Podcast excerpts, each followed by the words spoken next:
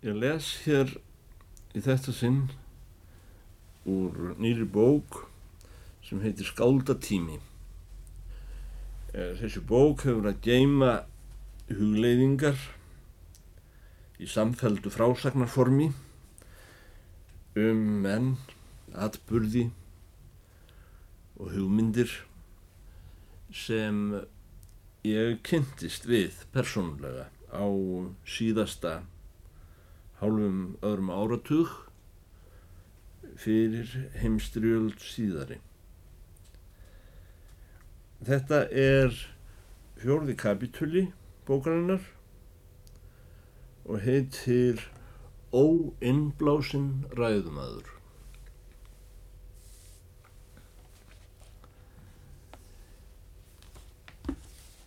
Það var auðvitað ekki að því að spyrja hvernig færi þegar ég kom til Reykjavíkur með vefaran mikla frá Kasmír undir hendinni snemma vors 1926. Ætli ég hafi haldið að útgefendur býðu með öndin í hálsin eftir að fá að prenta verk eftir nýtt séni. Saman skrifað upp úr öllu því sem þá var efst á baui í tímanum að surrealismannum ekki undanskildum sem þá var nýr á nálinni og auk þess fullt af latínu úr bænabókum frá miðlum. Það var nú öðru nær. Ég held vefarinn hafi verið bóðinn öllum íslenskum útgefendum sem öndin blakti í. En enginn vildi leggja nafn sitt við svo lélega bók. Þeir töldu líka óhugsandi að nokkur maður vildi kaupa þetta. Bókin held áfram að ganga millir forleikjara um skeið, uns þetta eina rifrildi af handríti sem til var, glemdist upp á hillu í einhverjum ókunnum kontor. Ég var þá komin austra á land að sapna í aðra bók því mig langaði að gera stein elliða upp aftur í gerfi íslensks sveitamanns. Mig minnir ég hafi verið langt til missýri á Östurlandi, líka dálitið fyrir norðan og vestan.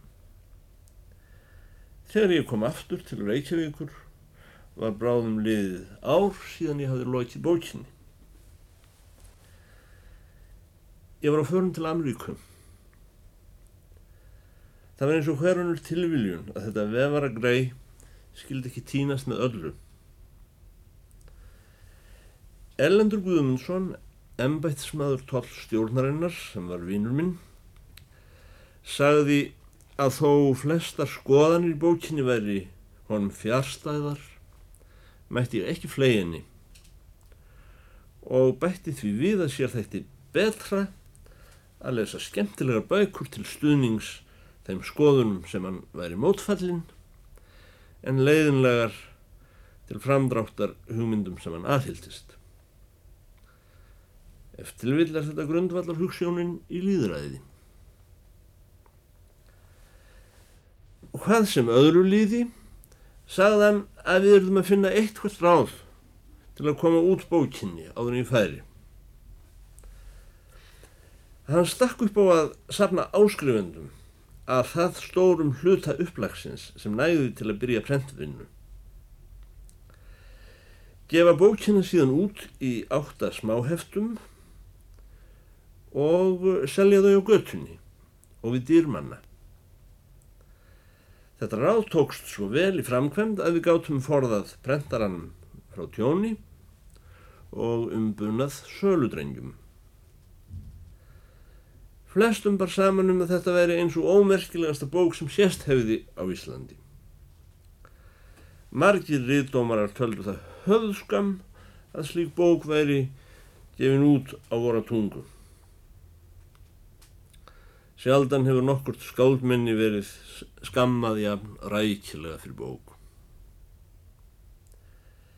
En góðkunningi minn, Kristján Albertsson, sem fengið hafiði allt húsheft og kirkjugræft í Östurstræti á Víksil til að kosta bókina. Hann var nú samt á öðru máli og skrifaði um hann að réttdóm sem ennir frægum í Íslandingum af upphafsorðum sínum. Loksins, loksins. Rétt áðurínst ég á skipsfjöl hitti ég vænan mann mér málkunnugan sem valist hafði á esku árum í Norður-Ameríku. Hann spurði mér hvort ég var að fara. Ég saðist ætla til Ameríku í tvö ár. Þegar hann held áfram að spyrja, mun ég hafa bætt því við að nú hef ég séð svo marga miðdepla alheimsins að um, röðum veri komin á Hollywood. Hann saði að það veri dýrst að lifa í Ameríku. Ég sagðist vera með 50 dólar í vesan. Þá saði þessi ágæti maður Ég veit ekki enn með vissu hvort að það er gáður til að skrifa bók eins og veðvaran. Kanski, kannski ekki. En það er gáður til að leggja á stað í tveggjára ferð til Ameríku með 50 dólar í vesan. Í ríki upp á loftslá í hús í Reykjavík hefur lítill pappakassi orðið innliksa í nokkra áratvíi. Fyrir bræðið hafa fáinn gömul bref og handrit lifað af ógnaræði Míkils handrit á bókabrennum hans. Meðal gamalla brefa og blada í þessum kassa koma aftur upp í hendur mér stakir brefsneflar með lesmáli sem kallar fram í hugmínum myndir og glemdum atvikum liðnum. Þarna kemur upp í hendur mér blár pappamíði, þrýbrotin eins og, spá, eins og spánst þýl. Kalendar Kaliforníuklúps, San Francisco, yfir marsmánu 1928. Þekkilegt smáprent. Á samkomi klúpsins 2007. mars er ráðgerð pianosól og listakonunnar uh, Pauline Hillenbrand Súber.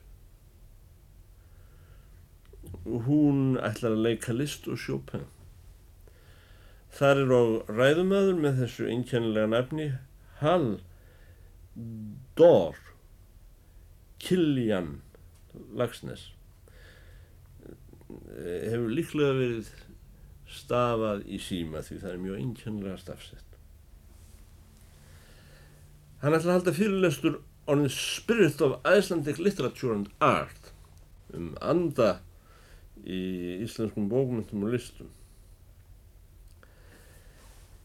Fyrirlestrar hafa því miður verið mér heldur lítil dagra dvöl. Mér voru oft sifjað ofbóðslega af að hlýða á þá en þó enn meira ef ég hef átt að halda þá. Í Ameríku byrjaði ég að flytja fyrirlestra eftir fyrirframgerðin texta. Það kalla Ameríkumennum að lesi upp eftir sér ræðu og eru slík ræðuhöld höfði mikilli fyrirlitningu þar í landi.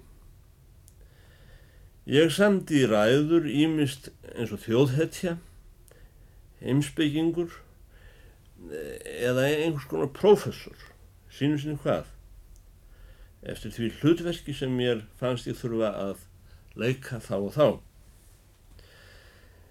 ég uppgötfaði fljótlega að fyrirfram þaulsamin bókteksti á illa við á stöðum þar sem er eftirspurn eftir svona skemmtum samt fleitti ég mér að tölverðu leiti á því tvö ár í Kaliforníu að halda ræður í félugum og klúpum. Ekki get ég þó sagt að til þess hafi þurft meiri gáður en semja veðvaran mikla frá Kasmír. Freyjuklúpar í USA, í bandaríkjunum, eru einstakar stopnarnir á sínu sviði. Þar stefna húsfreyjurnar að hámenningarlegri upphafningu andans meðan bændur þeirra eru rennsveittir á þeitingi nýri bæi að græða fjö. Þessir klúpar hafa aðgangað heilum áhlaupasveitum fræðimanna sem yfka þetta form og ná þar leikni. Sumir rítumundar skapa grundvöld líðhyllisinnar með því að fara eins og logi yfir akkur og setja á tölur fyrir þessum konum um landið þvert og endilátt. Mér hefur til dæmis verið sagt að fræð Viljón Stefánssonar hafi skapast þannig. Svæði mitt sem fyrirlesara náði aldrei út fyrir Los Angeles og San Francisco á samt útborgum. En uh, fræðum mín af þessari starfsemi held áfram á nulli. Þó ég væri aldrei auglýstur nýja ávarpaðu með lægra tilli en annarkort professor eða doktor og stundum hortveikja. Þó þetta form ætti ekki við mig var þá eftirspurð frá alls konar hópum og félugum miklu meiri en ég gæti synd. Ef mér tókst að hafa upp úr mér 50 dólar á kvöldi var það eins og að hafa heiminn höndum tekið. En ef fyrir kom að einhver veglind stopnun greiti hundrað var það ærin ástæða til að draga inn ángalíjurnar í bíli og vera ekki til viðtals fyrstum sinn. Að lifa og starfa með klúpum í Ameríku hefur í förmið sér óendanleg keðju samkvæmi. Hvergi á jarðuríki kynnismadur á óskuldbindandi hátt öðrum eins ósköpum af þægilegu fólki. En þessi mannasvaðal getur orðin nokkur leið í gerð. Ef ég eitt að skrifa sögu óinnblásins ræðumans, bæði úr Ameríku og öðrum stöðum, þá var ég margs að minnast. Sem óinnblásnum ræðumanni er mér sérstaklega minnistætt þegar ég var settur til að tala í gríðarstólum sal í Los Angeles ásamt með öðrum ræðumanni, innblásnum.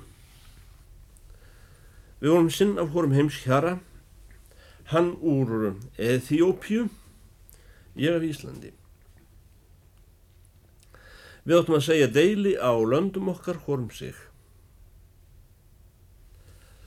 Sjaldan hefur farið jafn illa fyrir Íslandi í fyrirlestri og líklega aldrei í samanburði við Eþjópíu.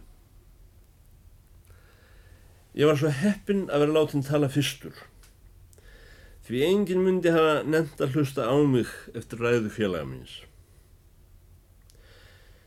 Ég get ekki gert það því að mér hefur æfinlega þótt allur hörundsleitur fallegri en hvítramanna sem svo eru nendir. En það var ég strax feiminn þegar ég sá hvernig þessi var litur.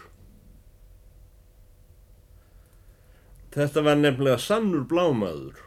Það var svo blár að það sló á hann grænum lit eins og hrappn í höstsólskinni. Þar á aðan var hann prins sem heitir á þeirra máli Ras. Sjaldan hef ég skammast mín eins mikið fyrir hinn rauð fjólubláa lít hvítra manna. Eins og þegar við vorum sestir hlið við hlið upp á pallin. Síðan var kallað á mig að stíga fram og hef ég stórða. Ætli ég hef ekki lurfast við að standa þarna upp við ræðupúltið í hálf tíma eða svo einhverja einskisnýta fróðlegsmóla var ég vist að reyna að týna út úr mér af Íslandi. Sem flestir held að vera annarkort Írland eða Finnland. Hvernig sem ég reyndi að samfæra menn um þau gagnstæða. Ég var um þessar myndir hættur að hafa skrifaðan texta þegar ég held fyrirlestur og, og fyrir bræði myndi ég ekki eftir neinu sem máli skipti. Ekki einu sinni rjúpunni á Íslandi sem Gunnar Gunnarsson segir að það hefði verið það eina sem hann myndi eftir þegar hann átti að halda fyrirlestur um Ísland erlendis. Ég reyndi að krytta þessi leiðindi með dauðum skrýtlum sem fóru fyrir ofan, garð og neðan hjá mönnum annarkúrst að því þeir skildu þeir ekki eða ég hafi miskilðað sjálfur. Rasin var laungu staðin upp og beð þess í ofvæni að ég þagnaði. Ekki var minn fyrirlestur fyrir dáin út í loknmodlu en hann hefði röðst fram hjá mér upp að ræðupúltinu og var byrjaður að tala. Hann hafði læst þess konar melskulist sem hefur áhrif í löndum þar sem sérstakir stjórnmálamenn geta snúið heimskun skríl á sitt band með því að æpa út á torgum mikinn part úr degi. Þó þau segi hérna en góðan daginn gera þetta með slíkum fyrirgangi og æsingu að ekki þetta líklegra en heiminn og jörð sé að forgangast. Þessi maður hefur áræðanlega verið frelsishetja í landi sínum. Hann notaði tækjafærið til að skera upp herrar gegn þeim þjóðum sem vildu Eþjópíu ílt, einhvern frökkum og englendingum. Þegar hann fór að útmála þessa voðalegu upplýtuðu þjóðflokka í Norðurálfu fór hann að garga eins og söngvarinn Louis Armstrong og það sló fyrir grænum rauðum logum í augum hans og fróðan þeittist út meðal skjallhvítra tangarðana eða settist í hrannir um munnvíkin. Það er óþarf að taka fram að maðurinn hefði ekki talað nefnir fáar mínútur þegar allt ætlaði nýður, nýður að keira af lofatæki hrifina áherenda og hinn rauðfjólublái óimblásni ræðumöður sem hefði talað undan sætti færi í miðri hrifningar róku og um, laumaðist út. Einu sinni fór ég að flytja fyrirlestur um Ísland hjá IWW. Fangamarkið táknar Industrial Workers of the World. Menn í þessu félagi voru herskáir stjættabaráttumenn sem sendu út fulltrúa sína hvert á land sem var til aðstóðar verkamönnum í vinnudælum. Tóku þeir þá íðulega stjórn á verklýðsfélagunum, skipulögðu verkföllin og stjórnuðu verkfallsbaráttunni. Á þeim lág svo hjátrú að þeir væru mestir hálskurðarmenn í Ameríkum væri ókyrð í þjóðfélaginu var síður að grípa þá fyrsta og refsa þeim harðast. Upton Sinclair hefur skrifað um þá leikrit sem heitir Sing Jailbirds. Þetta voru byltingasinnaðin menn sem ekki letu við það eitt sitja að kalla sig samegnarmenn eða kommunista. Heldur voru þar margir félagsmenn ímist samegnarsinnaðir stjórnleysingjar eða jæfnvel einstaklingssinnaðir stjórnleysingjar en síðast nefnd stefna er í flestum skipulögðum þjóðfélögum talin Ista Brún vinstri stefnu og haldin jafngilda því að vera staðin að verki með blóðið á höndunum. Þó velmætti segja mér einmitt svo stefna væri nær skoðun helgaramanna og píslarvotta en önnur pólitísk afstafa í heiminum. Í sumríkjum bandaríkjana þar á meðal Kaliforníu var það við hegningarlög að vera í þessu félagi. Í samanbyrði við IWW voru bandíktar og gangstrar eða gangsters til tölulega romantískir þegnar í þann tíð.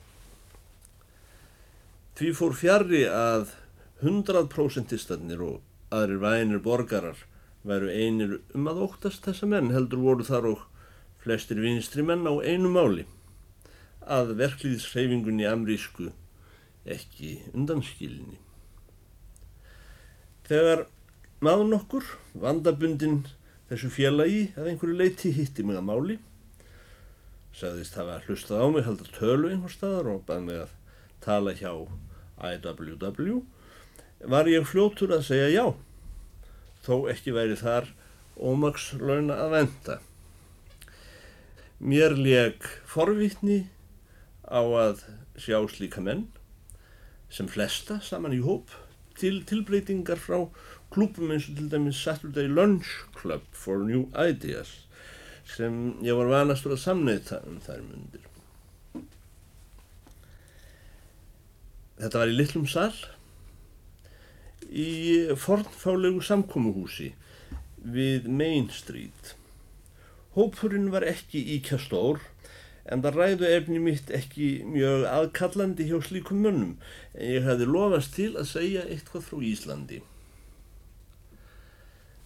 Flestir voru áherendur af léttasta skeiði og töluðu ennsku með útlendum hreim. Þeir voru í mínum augum þjóðfélagslega óstaðsetjanlegir. Margir í þessum litla hópi voru í útliti og framkomu einhver undarleg blanda úr borgarlegum professor og almennum verkamanni.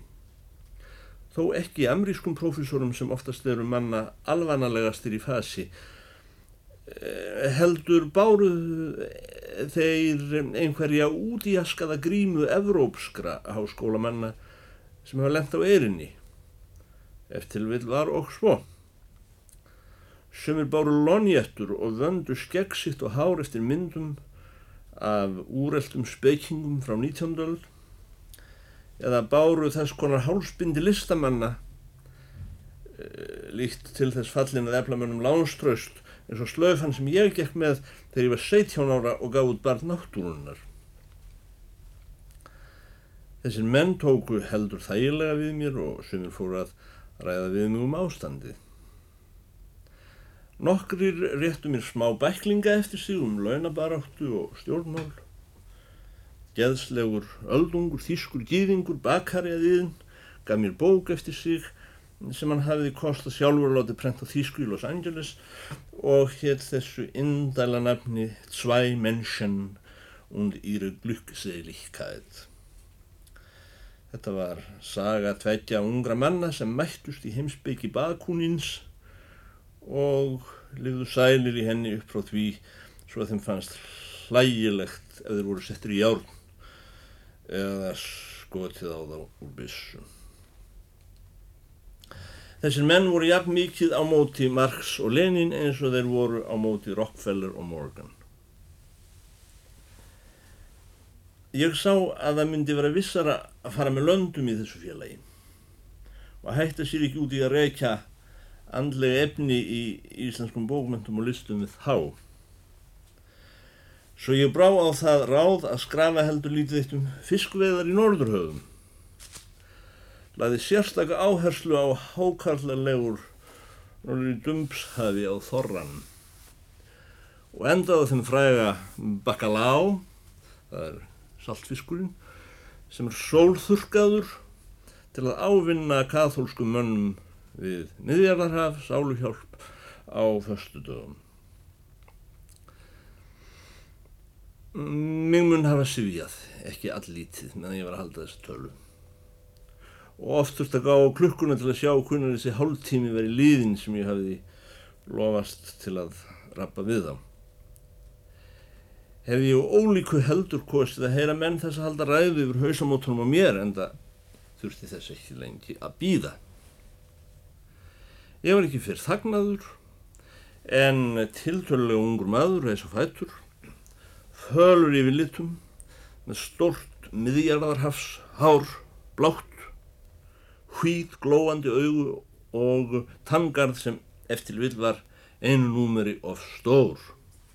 Hann baði um orðið. Með ræðusinni vildi hann leifa sér að andmæla því sem háttvistur frumalendi hefði sagt og mæltist skörulega. Svondum hlakkaði í honum líkt á veiðibjöllu sem hefur komið auga á hálfdött lamp álengdar og bent á mig með vísifingrinum samviskulausan útsendara auðvals abla sem notuði fisk til að kúa fátækamenn á Ítaljum. Hann saði svo sem muna þegar hann var tötradrengur í Napóli og engin af hans fólki hafði efni á að segja hungur sitt á því góðmeti sem úr og grúr af á Ítalíu, til dæmis ávöxtum og dúpnastæk. Svindlarar og blóðsugur norður í heimi tóku saman við sinn sala á Ítalíu til að pranga inn á okkur lassaróna, döynillu fiskæti sem norrænir lassarónar voru látnir draga upp úr Íshafinu í stormi og hríð þar sem ekki skein sól. Já, ætli ég mun ekki eftir þessum fjandans bakkalá ykkar á Norðurlöndum. Við mótmælum þeirri fæðutöðum. Að lokinni ræðu Ítalans spurði fundarstjóri hvort ég um, óskaði ekki eftir að taka til máls og halda uppi vörðum fyrir fiskin. Ég hvað svo ekki vera. Sæðist ekki nenn að fara að stæla hér um fæðutegun sem ég aldrei neytti sjálfur utan míns heimalands og hefði nú ekki bragðið í tvö ár. Ég, hvaðst vera gamalkunnugur grundvallarskoðun síðasta ræðum hans úr löndum þar sem fiskur er ekki talin matur. Þetta er nokkur svona ormur sem menn verða að leggja sér til munsi í Jésu nafni á þeim dögum sem þeir fasta vegna sáluhjálpræðinar. Ég sagði að þótt allir viðstættir vera álíka mikið á móti fiski og háttu virtur síðastir eðumadur þá kemur það við önga taugi mínum kroppi ég hefði heldur ekkert meiri tíma aflögu því ég ætla að fara að hitta stúlku.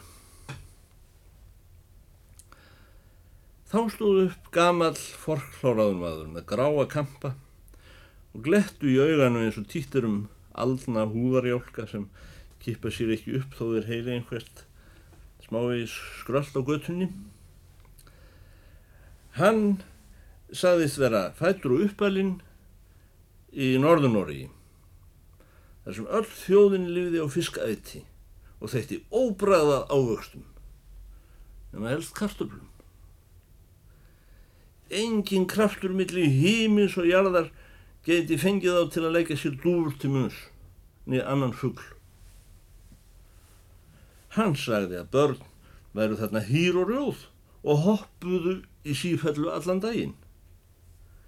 Fiskætur af þessum slóðum gengi á skýðum yfir þveran grænlandsjökul sér til skemmtunar. Þeir hefðu farið á skektu til Suðurpólsins. Loks hefði Nansen læknað hungursneiðina í Rúslandi þegar Lenin var komin í boppa. Í einu orði sagt, kæri ungi vínur minn úr miðjarðar hafi, lof mér segja þér einn hlut í trúnaði sem við norðmenn vitum miklu betur en því ítalir.